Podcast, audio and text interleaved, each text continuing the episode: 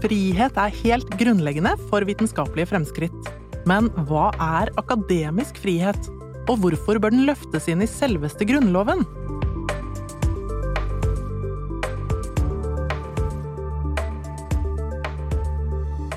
Du hører på Forskningsetikk, og jeg heter Ingrid Torp. I dag har jeg med meg to gode kollegaer. Vidar Enebakk, som er idéhistoriker og sekretariatsleder for Den nasjonale forskningsetiske komité for samfunnsvitenskap og humaniora.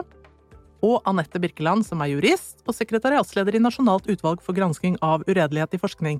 Velkommen! Takk for det.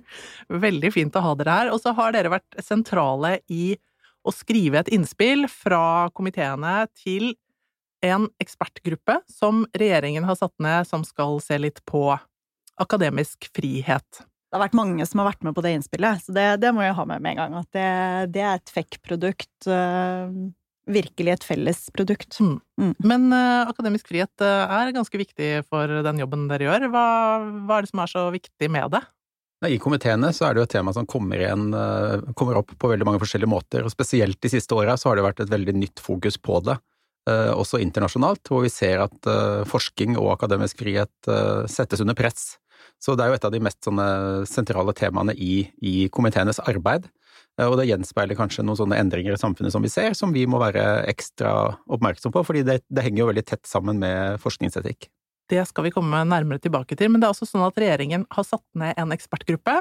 Den er ledet av Anine Kierulf, og de skal ifølge mandatet se på hvordan de ansattes akademiske ytringsfrihet kan tydeliggjøres, og hvilket ansvar institusjonene har for å verne og støtte den. Men i den bestillingen til ekspertgruppen så brukes altså både begrepet akademisk frihet og akademisk ytringsfrihet, men det siste begrepet, det vil dere gjerne skrote. Hvorfor, hvorfor det? Altså, skrote og skrote. Vi, vi, tenker i hvert fall at akademisk eh, Akademisk ytringsfrihet, det er ikke noe særegent. Eh, akademikere har ytringsfrihet. Punktum. Ja, og den er grunnlovsfestet allerede. Ytringsfriheten er grunnlovsfesta, og akademikere har jo ikke noe noe, noe, større ytringsfrihet enn det som, eh, som, går frem av den ytringsfriheten som er, allerede er i, i, Grunnloven. Men at de, har, at de har en vid ytringsfrihet, det er det ingen tvil om. Men, men dette begrepet akademisk frihet, da, hva, hva rommer det? Ja, Det henger jo sammen, men, men, når vi snakker om akademisk ytringsfrihet, så er det veldig lett å tenke at å, det er en del av den generelle ytringsfriheten. Og det er kanskje den, den kortslutninga vi vil bort fra, da, fordi det, det, kan også knyttes direkte til eh, det som vi har om altså lovverk og, og normer knytta til akademisk frihet. Og det er jo det som dette ekspertutvalget egentlig skal se på. Altså muligheten for forskere og studenter til å, til å ytre seg offentlig. Eh, både i forskning og i undervisning, men også i formidling. Eh, og noe av det som vi er opptatt av, det er jo at eh, når vi snakker om akademisk frihet, så er det ofte med fokus på forskning og utdanning, mens vi tenker at det å legge vekt på forskernes rett til å formidle, eller plikt til å formidle, også må forstås som en del av den akademiske friheten. Og så det er en annen måte å snakke om akademisk ytringsfrihet på, ikke med utgangspunkt i Grunnloven paragraf 100, men med utgangspunkt i universitets- og høyskoleloven paragraf 1-5. Og det er jo det siste som dette ekspertutvalget primært skal se på, nemlig den UH-loven paragraf 1-5. For der er dette lovfestet i dag allerede. Hva, hva, sier, eh, hva, hva står det om dette i loven, Anette, du som er jurist? Nei, altså den heter jo, den bestemmelsen heter eh, faglig frihet og ansvar. Det heter ikke akademisk, eh, akademisk, frihet, selv om det er det den handler om. Så det er også noe vi lurer litt på, hvorfor kaller man den faglig frihet og ansvar? Det, det er ikke forklart noe sted. Det er også interessant med den bestemmelsen i paragraf 1-5. Mm, men det at det handler om ansvar også, det, det har eh, Altså, det, det, er ikke bare en frihet, dette her, men det, er, det følger plikter med den friheten. Det er veldig viktig, og det, det står veldig tydelig også i, i, forarbeidene til den bestemmelsen i universitets- og høyskoleloven, at dette det er ikke en, en ubegrenset frihet. Du kan ikke gjøre hva du vil, du kan ikke si hva du vil, du kan ikke gjøre hva du vil. Mm. Det er en frihet som eh, Og der kommer forskningsetikken inn. Fordi eh, du må oppføre deg ansvarlig. Da kan du få den friheten. Og dette har en, en lang historisk bakgrunn også Vidar? Ja, det var både en kort historie og en lang historie. Og den korte historien er jo at uh, dette med akademisk frihet, det var noe som liksom ble lovfesta skikkelig i, først i 2006 og 2007. At vi fikk en lovfesting av akademisk frihet. Og siden den gang så har liksom både språket og mye av debatten om akademisk frihet vært basert på det juridiske grunnlaget. Så det er lett å tenke at det kom med jussen. Mm. Men noe av det vi gjør, og noe av det vi er opptatt av, det er at akademisk frihet også er et historisk begrep. Det, en, det, det har en annen historisk og liksom, kall det vitenskapelig kontekst, eh, og det har en etisk kontekst. Så det er liksom forskjellige måter å snakke om dette på. Mm. Og vi ønsker kanskje å trekke fokus da bort fra det juridiske rammeverket, over i det mer sånn faglige, historiske utgangspunktet og det etiske begrepsapparatet. Da. Mm. Så den korte historien den går tilbake til 2006 og selve lovfestingen av individuell akademisk frihet, mens de historiske linjene de går jo langt, langt tilbake, i hvert fall tilbake til middelalderen og opprettelsen av universitetene som institusjon i samfunnet. Så, så en, en, av de lange diskusjonene, en av de lange linjene vi kan trekke, er jo til etableringen av akademiske institusjoner eh, på den tida. Allerede da var man opptatt av at de måtte ha en type akademisk frihet? Det er i hvert fall der vi ser starten på det som vi i dag kjenner som akademisk frihet, i den forstand at det var institusjoner i samfunnet, uh, altså nye universiteter som ble etablert uh, i Paris og Bologna og andre steder i Europa, som fikk en form for institusjonell autonomi. Altså at de fikk lov av liksom, staten og myndighetene til å styre ting selv innenfor sin institusjon. Mm. Og det er liksom det institusjonelle utgangspunktet. Lovfesta institusjonell autonomi. Mm. Og, etter hvert på 1700-tallet så har du også en del universiteter som helt tydelig har det i navnet sitt også. Mm. Frie mm. et eller annet universitet. Ja. Og den friheten, hva, hva, var den friheten, Vidar? Det er jo flere friheter. for I utgangspunktet så er det å sikre sant, både tankefrihet og trosfrihet innenfor en institusjon. Men når det blir sikra innenfor det akademiske, så er det jo knytta til de det, borgerne av den akademiske republikken. Da. Og det var jo da Eh, liksom de ansatte, professorene, og så var det studentene. Mm. Og det er en ting som vi ofte glemmer, at allerede den gang så er det to forskjellige utgangspunkt. Det ene er det som vi liksom da kan kalle for liksom lærefrihet, altså de ansattes rett til å bestemme hva de selv vil undervise, og det er det som kanskje forskere ofte er mest opptatt av. Eh, og det spores gjerne tilbake til for eksempel Universitetet i Paris, hvor det var liksom kollegiet av professorer som, som styrte institusjonen. Mm. Mens hvis du går til Bologna samtidig, så er det en annen modell, og da er det studentene som i mye større grad uh, bestemmer studentene stilte opp på forelesninger og avgjorde på en måte hva som ble viktig, hva, hva som skulle undervises. da. Og Det er det som gjerne kalles for læringsfrihet. Mm. Eh, som man skiller på en måte mellom de ansattes frihet og de eh, studentenes frihet. Og det har vært to sånne grunn, to grunnelementer av den akademiske friheten helt siden den gang. Men kan ikke de også settes opp mot hverandre? Ja, det er helt klart, og, og, det ser vi også i dag. Altså hvem som skal bestemme. Om det er liksom de ansattes frihet som er det sentrale, eller om det er studentenes frihet som er uh, viktig. Mm. Og noe av det som, har vært, uh, som kanskje vi også har vært opptatt av, det er jo at uh, dette med studentenes frihet i større grad må, må vektlegges. Da. For det er noe som ikke ble tatt med og vektlagt da vi fikk en lovfesting av akademisk frihet i 2006 og 2007. Da tok man ikke høyde for det med studentenes frihet, og det, det syns jeg er noe som eksempel studenter burde vært mye mer opptatt av i dag. Men det er jo heller ikke en del av Kjærulf-utvalgets uh, mandat, så vi har heller ikke snakket om mm. det i innspillet vårt. Men er det noe som absolutt bør tas opp ved anledning, så er det dette med studentenes uh, læringsfrihet. Mm. Retten til å lære det de selv har lyst til, altså sette opp det løpet de selv vil. Mm. For det har druknet helt i den norske uh, utdanningsdebatten. Og så er det et annet begrep som er viktig, og det er dette med vitenskapelig frihet. Hva er vitenskapelig frihet inni denne begreps... Ja, og, og, der er historien viktig, for det, da skjønner man liksom hvorfor det er to forskjellige ting. For det kommer fra et annet sted, og det kommer fra en annen tid. Altså Vitenskapelig frihet, eller vitenskapens frihet, det er noe som gjerne vokser fram på 1600-tallet, knytta til den vitenskapelige revolusjonen, altså gjennombruddet for moderne vitenskap.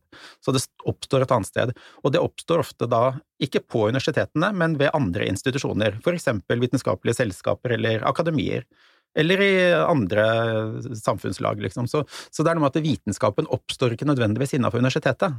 Og den friheten kommer også, den blir etablert i samfunnet på, på et annet grunnlag enn, enn, det som den akademiske kulturen er. Mm. Og det er for eksempel uh, Et kjent eksempel er jo da liksom rettssaken mot Galileo Galilei, som på en måte står opp mot makten og kirken og liksom taler, taler for fri, fri, forskning. Det er et eksempel da på hvordan liksom rettsvesenet og statsmakten forsøker å liksom tie vitenskapens frihet. da. Så det blir gjerne trukket fram et sånt eksempel på, på den spenningen mellom fri vitenskapelig eh, diskusjon og, og, statsmakt og kirkemakt. Mm. Så, så, så, poenget kort er jo bare at vitenskapens frihet oppstår på 1600-tallet med framveksten av moderne vitenskap. Og da blir det nye sånne spenningsforhold da, mellom den institusjonen som er akademisk, og denne nye vitenskapen, for eksempel i forhold til religion og statens makt og autoritet, og ikke minst rommet for fri og uavhengig og kritisk tenking, som er noe som kommer for fullt med den, den vitenskapelige friheten, og som de etablerte institusjonene ikke alltid var like fornøyd med. Mm. Men etter hvert så vokste sammen. Det med akademisk frihet og vitenskapens frihet, der, der vitenskapens frihet blir en del også av den akademiske friheten, altså retten til å lære bort og retten til å lære. Mm. Ja. Og det ser vi i løpet av 1800-tallet, at, at, at, tidlig på 1800-tallet, med Humboldt-universitetet i Tyskland og, og, for så vidt også det norske universitetet i 1811, så er det på en måte den akademiske friheten som står sentralt. Institusjonell autonomi og frihet til de ansatte. Og da er det først på liksom 1850-60-tallet at på en måte moderne eksperimentell vitenskap flytter inn på universitetet. Mm. Før det så var det noe man ikke dreiv med så mye på universitetene, det foregikk andre steder. Men fra ca. 1850, og dette ser vi også i andre land, så blir på en måte universitetet vitenskapens hjem. Altså vitenskapen flytter inn på universitetet. Mm. Men det som er viktig, er at vitenskapen også kan foregå utenfor, foregikk utenfor, og også i dag kan finne sted utenfor disse etablerte akademiske institusjonene. Ja. Så noe av poenget er å se på vitenskap en, som en form for praksis, mm. som er forankra i eh, fagdisipliner, fagfellesskap, som også er internasjonale. Mm. Som ikke bare er noe som ligger mellom liksom, en norsk institusjon og en norsk ansatt, på en måte. Så poenget er kanskje at både institusjonen og de enkelte forskerne er begge forplikta på dette med vitenskapens uh, frihet, da. Mm. Og i norsk setting så gjelder jo det da selvfølgelig UH-institusjonene, universiteter og høyskoler, men også altså vitenskapens frihet gjelder jo også eh, for forskningsinstitutter. Og også andre institusjoner som driver med forskning, vitenskapelig forskning, sykehus, forvaltningsinstitutter osv. Mm. Men for dem så blir da andre, de andre delene av akademisk frihet mindre relevant? Ja, for de driver ikke utdanning. Nei. Altså, det Selv om det er stipendiater på forskningsinstituttene også, så er de også tatt opp Altså deres eh, akademiske frihet er knyttet opp til eh, universitetene. De, de også er eh, opp, tatt opp på som eh, ja, men her er det også sant, hybridisering, fordi at en del forskningsinstitutter har i dag blitt del av universiteter, og det er også en del ansatte i instituttsektoren som både driver med undervisning og med veiledning, mm. og de havner kanskje ofte i sånn krysspress, da, for de har på en måte ikke nødvendigvis lovfesta frihet ved sin egen institusjon, men deltar i aktivitet som er fri, og så videre. Så, mm. så her er det også et ganske sånn hybrid landskap, da, hvor ikke, det er ikke sånn at de etablerte UH-institusjonene er enhetlig heller. Eh, friheten er jo organisert på forskjellige måter også der, avhengig av hvordan avtaler og forskningsformer de driver med. Da. Mm. Men det som i hvert fall er eh, helt klart, er jo at det er vitenskapens frihet som, som forener eh, både instituttsektoren mm. og UH-institusjonene. Og derfor er det jo et paradoks når denne eh, basisbevilgningen til instituttsektoren der er det et krav om at Eller det, det, det, står da i kontrakten at de må sikre den akademiske friheten utenfor akademia. Ja. Og for oss er det, det, det er rett og slett meningsløst. Her er det en liten ryddig jobb å gjøre. Det er en ryddig jobb å gjøre, og det er vitenskapens frihet som er det viktige, og det er retten til å velge metode, retten til å formidle, retten til å velge hvilket tema man skal uh, forske på. Mm. Retten til å komme til uh, uventa konklusjoner, retten til å offentliggjøre resultater som kanskje ikke er ønskelig, og retten til å stille kritiske spørsmål, både til prosjektets utforming og til resultatene. Mm. Så det er denne koblinga over til fri, uavhengig kritisk tenking som må være med, hvis det skal være noe som er kobla på det vi kaller for uh, vitenskapelig tenkemåte, eller vitenskapelige normer, da. Ja, fordi da går vi dit at vi skiller mellom vitenskap og andre typer kunnskapsproduksjon. Er det, det er et viktig poeng her. Vi mener jo at det ligger implisitt også i loven, fordi akademisk frihet i UH-loven er jo knytta til forskning som skjer i henhold til vitenskapelige og etiske prinsipper. Så det er noen vilkår der. Altså, det er ikke sånn at all forskning er like fri og like uavhengig, og det er ikke all forskning som er vitenskapelig. Samtidig er det mye med vitenskap som ikke bare handler om forskning. Altså hele dette med det vitenskapelige kollegiet, fagfellekulturen, de internasjonale kontaktflatene. Altså vitenskap er mye mer enn bare forskning også. Så, så det går liksom begge veier. Mm. Hvordan, ja, Du var inne på nå at det, det, henger sammen med etikken. Hvordan henger det sammen med forskningsetikken? Ja, og det, jo, det kommer jo an på hvordan man ser det, for veldig ofte så er det jo sånn at forskere, i hvert fall er vårt inntrykk, forskere og kanskje også studenter, oppfatter kanskje etikken som en hindring om noe som, som, liksom, som blokkerer for fri forskning. At det er en motsetning mellom uh, frihet og, og etikk. Da. Uh, og det går kanskje an å skjønne det hvis man tenker på etikk som en del av et kontrollsystem, hvis det er liksom NSD-godkjenning eller uh, granskning At opp, deler av forvaltningen av etikken kan bli oppfatta som litt sånn mer pisk enn gulrot. Mm. Uh, men, men liksom selve forskningsetikken, som er da forankra i den akademiske kulturen, er jo en del av selve vitenskapen. Og Det er derfor det vilkåret ligger der, at, at forskningen skal være fri ifølge da vitenskapelige og etiske prinsipper. Og da er ikke etikken lenger en hindring, etikken er et vilkår eller en forutsetning eller en positiv plikt for at du får den friheten. Og det gir jo litt mening at staten gir på en måte institusjonen og forskerne en frihet, gitt at de ivaretar vitenskapelige prinsipper og det som gjerne kalles kvalitet, men også uh, etiske prinsipper, det som gjerne kalles forsvarlighet. Så, så, vit, så forskning som er Eh, av kvalitet og som er forsvarlig, det er den forskningen vi snakker om, på en måte. Og da er det med vitenskap og etikk og, og sånn helt uh, sammenvevd. Mm. Og der også um, Forskningsetikken er jo kollektiv. Og det kollektive, det, det, forsvinner av og til i diskusjonen om akademisk frihet eller vitenskapens frihet. Men det er veldig viktig. Det, det er også noe vi må ta inn et viktig element, det, det kollektive. At mm. det er noe som den friheten, den er også Den forutsetter da at man følger de kollektive normene. Hva mener du, kan du si litt mer om det? Ja, Vidar, du kan, si mer om de kollektive altså, normene, for dette er jo nettopp forskningsetikken, og det som da mm, NESH, den komiteen til Vidar, den uh, nasjonale forskningsetiske komiteen, de har jo fastsatt disse retningslinjene sine, og de, det, dette er jo kollektive normer. Ja, Det er én måte å oppsummere og formalisere de normene som forskere på feltet oppfatter som relevante for seg og sine kolleger. Altså, poenget her er, det sentrale poenget er at det er basert på et prinsipp om akademisk selvregulering. At forskerne som et fellesskap med internasjonale impulser blir enige om å liksom kodifisere eller sette ned noe som de mener er bra å følge. da. Og det er de selv som bestemmer det. De setter på en måte standarden for sin egen praksis, og så forplikter de seg på den. Eh, men det som er viktig, er å tenke det som et sånt mellomnivå. At det, finnes en kultur her, en forskningskultur, mellom enkeltindividet og institusjonen. Og det er det man kanskje ser seg blind på når man bare tenker ut fra loven og ut ifra sånn Det er liksom staten, og så er det individet. Men mellom der så finnes det også en sfære som er forskerfellesskapet eller vitenskapens verden, da, som spenner ut over det norske, ut i det internasjonale, og det er der disse normene og verdiene blir, blir forvalta, på en måte.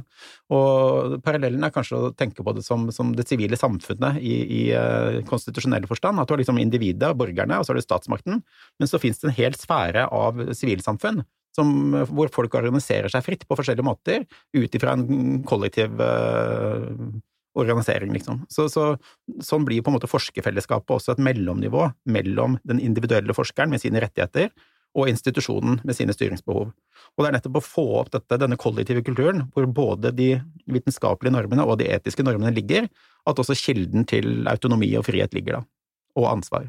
Mm. Og da blir formidling et viktig poeng for dette kollektivet. Formidling er noe dere er eh, særlig inne på i dette innspillet? Ja, ja, det blir jo alltid viktig, fordi at, eh, fordi at eh, det ene er jo, som vi er inne på i innspillet, er jo at det er veldig lite fokus på det i loven. Altså I lovarbeidet i dag så fokuserer man stort sett på frihet i undervisning og, og forskning, men ikke i det som gjerne kalles for den tredje oppgaven, nemlig formidlingen. Eh, men der hvor formidling blir viktig på en annen måte, det er jo at det er ikke bare for forskernes egen del at de har frihet. Den vitenskapelige friheten er viktig for resten av samfunnet også. Og det er det siste som kanskje er viktig å få med, fordi at eh, det er ikke bare Altså, det er jo samfunnsborgerne som er sentrale, altså folk i resten av samfunnet, de har krav på å være opplyst og informert om hva som skjer i forskninga. De har rett til å vite hva folk holder på med, og hva som er siste nytt fra forskninga, sånn at de kan danne seg egne mm, synspunkter og konklusjoner som eh, autonome individer. Mm. Eh, så det er på en måte av hensyn til borgerne at formidlingen er viktig, ikke for at vi skal få tellekantpoeng eller pynte oss i, internt, men, men, men, det er en plikt i forhold til samfunnet å formidle kunnskapen ut. Mm. Eh, det er i hvert fall noe av det vi har diskutert. Og vitenskapens frihet gjelder det også, ikke sant, retten til å formidle på den måten man anser som hensiktsmessig og riktig? Ja, og det er også en annen måte å tenke det på enn at liksom det er en forpliktelse etter loven at man skal formidle. Hvis du tenker det med utgangspunkt i vitenskap, så er det helt opplagt at vitenskap skal være åpen. Den skal være kollektiv, den skal komme folk flest til gode.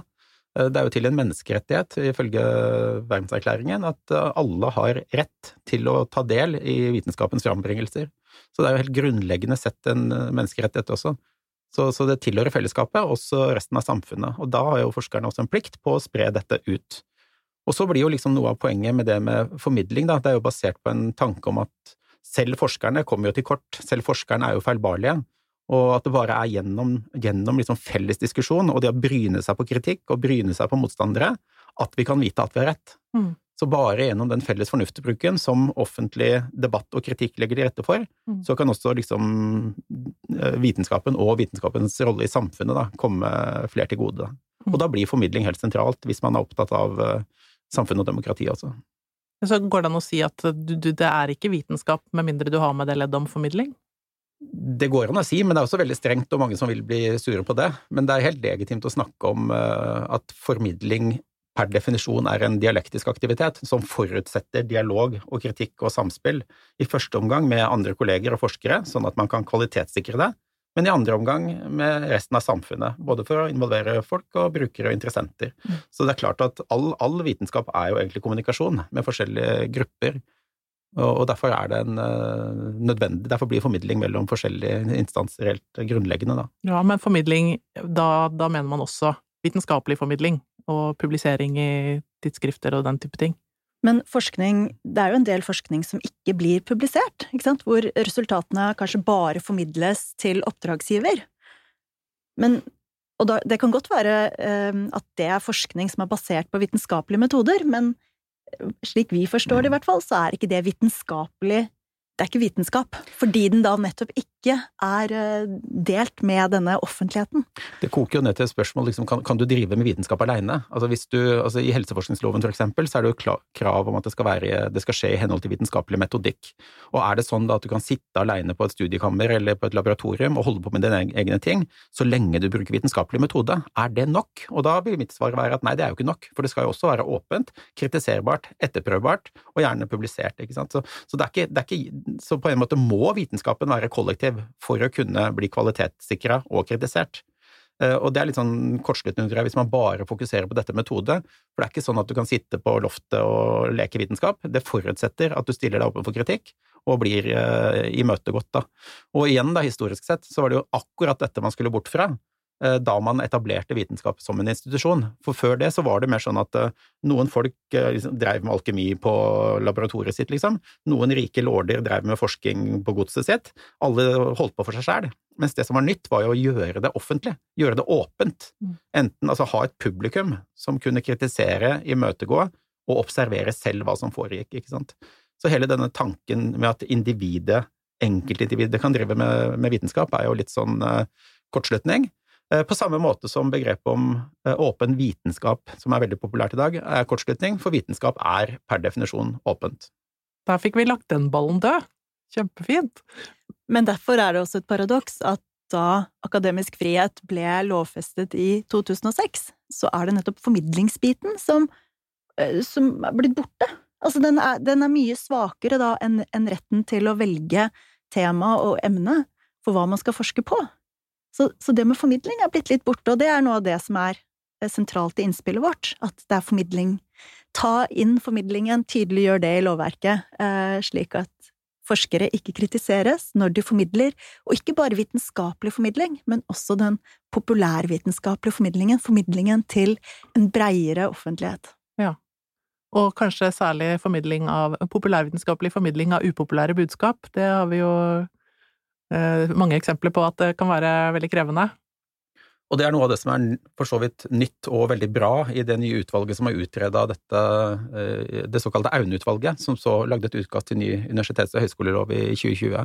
Det er en veldig god drøfting av denne problematikken, som går langt utover det tidligere utvalget, som het Underdal-utvalget, som i liten grad gikk inn på disse store spørsmålene du reiser nå. Eh, så har det jo, Tiden har jo også endra seg. I dag så er det et mye mer fokus på postfakta, polarisering av debattkultur, trussel mot demokratiet og sånne ting. Og det er jo for så vidt en helt ny kontekst eh, i Norge i dag, at vi nå må snakke om akademisk frihet i forhold til disse tingene også. Sånn var det ikke for 15 år siden, da vi snakket om akademisk frihet. Da var det mer en sånn uh, privilegie som folk på universitetet hadde, og som sikra seg. Mens nå er samfunnsdebatten helt annerledes, uh, også globalt, og, det setter liksom hele diskusjonen om akademisk frihet og demokrati i et helt annet lys. Mm. Men ja, fordi globalt så ser vi jo det er forskere som flykter fra, fra, sine institusjoner i Tyrkia, i Ungarn har det vært eh, store diskusjoner, i Danmark har det vært diskusjoner om, om akademisk frihet og innblanding fra politikere. Hva, hva, ser vi noe tilsvarende trusler i Norge? Er det noe komiteene ser? Som Vidar får svare på om, om komiteene ser det, men eh, bare tid etter at akademisk frihet ble lovfestet i universitets- og høyskoleloven, så var det en diskusjon om nettopp formidling eh, i instituttsektoren, hvor da spørsmålet om akademisk frihet ble diskutert på Stortinget, akademisk frihet utenfor akademia. Og igjen da, eh, dessverre snakket man ikke om vitenskapens frihet, det burde man kanskje ha gjort. Så diskusjonen har jo vært oppe, og det var da et konkret uh, tilfelle hvor, hvor, en uh, instituttforsker da opplevde å ikke kunne formidle fritt, hvor oppdragsgiver, da var det stat, altså et mm. departement, som skulle overstyre hva man kunne formidle. Ja, jeg tenker at det er, eh, det er for sterkt å kalle det trusler, fordi at disse enkelthendelsene er for svake, er, og, og, og, kritikken og offentligheten på dette er, er, veldig stor. Det er mm. stor bevissthet om dette i Norge, vi har offentlige debatter som går hele tiden, og vi har et ganske etablert system som klarer å håndtere mye av dette. Men at det er tendenser, det er det ikke noe tvil om og at det er både folk i offentlig og privat som ønsker å, å, bruke forskning, eller gå fra å legge føringer til å legge begrensninger på forskning, det, det er det ikke noe tvil om. Eh, men der er det også veldig gode instinkter i forskningssystemet, som, og, og, det ser vi også i komiteene, hvor, hvor, folk liksom eh, Da sier folk fra, og da sier mange forskere fra. Men vi skal være oppmerksom på det, for vi ser jo denne tendensen internasjonalt, og som du sa, både i Altså helt eh, ikke bare i USA og Tyrkia, men også i Ungarn og Polen og Frankrike og Danmark osv. Så, videre. så det nærmer seg, og derfor er det desto viktigere at vi har en uh, åpen debatt om dette nå, så vi vet hvordan vi skal møte dette når det kommer. For det er ikke noe tvil om at dette kommer, og da må vi vite hva det er vi står opp for når vi skal forsvare både akademisk frihet og, vitenskapens frihet. Og da foreslår dere at uh, dette er så viktig at det skal grunnlovfestes. Hvor, hvordan skal vi gjøre det, eller hvorfor skal vi gjøre det? Nå har man, man har jo ingen forskningslov. Eh, man har en universitets- og høyskolelov, man har en forskningsetikklov. Det har vært så mye spørsmål om altså dette med at man da skal dra akademisk frihet utenfor akademia, for eksempel. Den enkleste måten å løse det på, fordi forskning foregår på så mange uh, felter, på så mange områder, det å gi alle forskere da den tryggheten, den sikkerheten de har da til å formidle, til da den store offentligheten. Den letteste måten å løse det på er ved å grunnlovsfeste det. Og den dagen man har behov for grunnlovsfesting, da er det allerede for sent.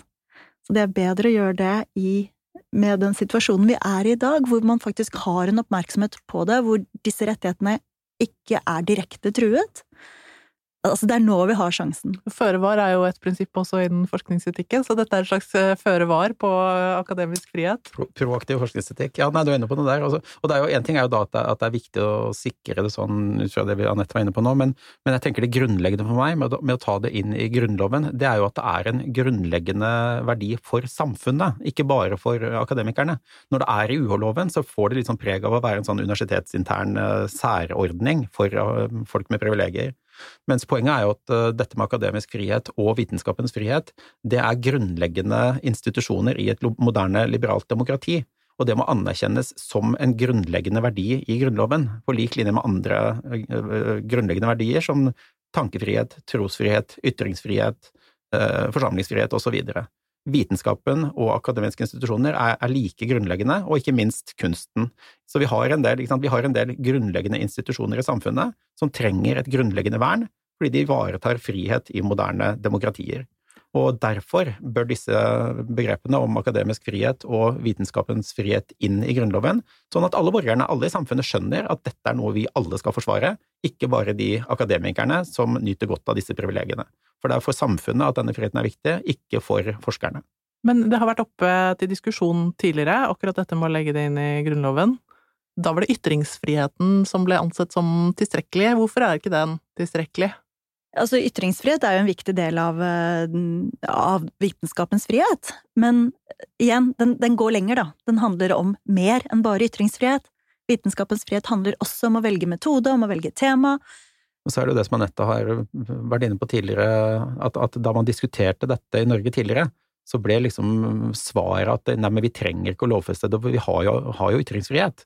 Eh, jeg vet ikke om du vil si noe mer om det, men, men, men det, da blir jo litt poenget at det, eh, ja, men det ene utelukker jo ikke det andre, og vi kan sånn styrke begge. Det er veldig viktig å huske på at vitenskapens frihet er mer enn ytringsfrihet, da. Det er jo egentlig poenget. Ja, ytringsfriheten har vi, og det er veldig viktig, men man trenger ikke snakke om akademisk ytringsfrihet, nettopp fordi vi har mm. den ytringsfriheten grunnlovsfestet allerede. Men det som er viktig, er nettopp det, altså, det å kunne velge tema, metode, at det gjelder for alle, ikke bare innenfor akademia, alle forskere, alle som driver med vitenskapelig forskning, og at det da er et gode for samfunnet også. Og uønska resultater, og rett til offentliggjøring, og kritikk osv. Det, er mange ting som, som, må med her. Og så er det jo ikke sånn at vi er de eneste som snakker om dette. Dette er det veldig mange andre i den norske debatten som også har vært inne på, også i denne runden når vi diskuterer det i lys av det pågående ekspertutvalget, at det kan være hensiktsmessig å grunnlovsfeste dette. Nøyaktig hvordan det skal skje, det, det er jo noe som utvalget og andre eksperter må se på.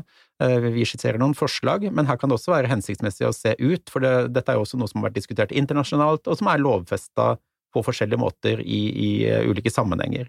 Uh, blant annet i Tyskland, hvor det allerede finnes i, i den tyske grunnloven at uh, både kunst og vitenskap, forskning og læring skal, skal, være fri. At det bare slås fast som en grunnleggende rettighet. Som en kuriositet så kan vi jo nevne at det er en del ledige paragrafer i Grunnloven. Ah, ja, det er jo interessant. For eksempel paragraf 99, som kommer rett før ytringsfriheten. Ja, da har du kanskje et helt konkret forslag til hva det kan stå av, da? Vi har jo noen innspill i, i, til Kierulf-utvalget, og et av dem er jo akademias, kunstens og den vitenskapelige forskningens frihet skal respekteres. Vær så god, da har Kierulf-utvalget et helt konkret innspill. Lykke til med arbeidet! Noe annet eh, som vi kan trekke frem, er det som kalles for Bonn-deklarasjonen, som ble vedtatt i fjor, i 2020 som er en sånn felles uh, europeisk plattform, som også Kunnskapsdepartementet vårt har tilslutta seg. Og Den slår også veldig fa klart fast at dette med uh, den vitenskapelige forskningens frihet er uh, veldig sentralt i moderne samfunn, moderne demokratiske liberale samfunn, for å sikre tillit til, til forskning. Og også her gjenfinner vi da at det er denne nye trusselen mot kunnskap og, og, forskning i samfunnet som setter dette i en helt ny sammenheng, og som gjør det nødvendig og fokusere på å sikre eh, den, den vitenskapelige forskningens eh, frihet, da, i, også på europeisk eh, nivå. Og så er jo liksom vilkåret at denne vitenskapelige forskningen må være i tråd med akademiske normer og prinsipper osv., men det er på en måte vitenskapen i samfunnet som må sikres i tillegg, da. Så dette er noe hele det norske folket bør være opptatt av for å sikre vår kunnskapsnasjon og demokratiet? Det er jo dette, ikke bare hele det norske folk, men det, det er jo dette borgere i moderne liberale demokratier har jobba for å fremme i snart 400 år, for å sikre eh, vitenskap og vitenskapelig frihet i, som en forutsetning for et moderne kunnskapsbasert demokrati. Så vi er jo ikke de første som snakker om dette, men vi må gjøre det på vår måte. Tusen takk til Vidar Enebakk og Anette Birkeland. Du har hørt Forskningsetikk, en podkast fra de nasjonale forskningsetiske komiteene.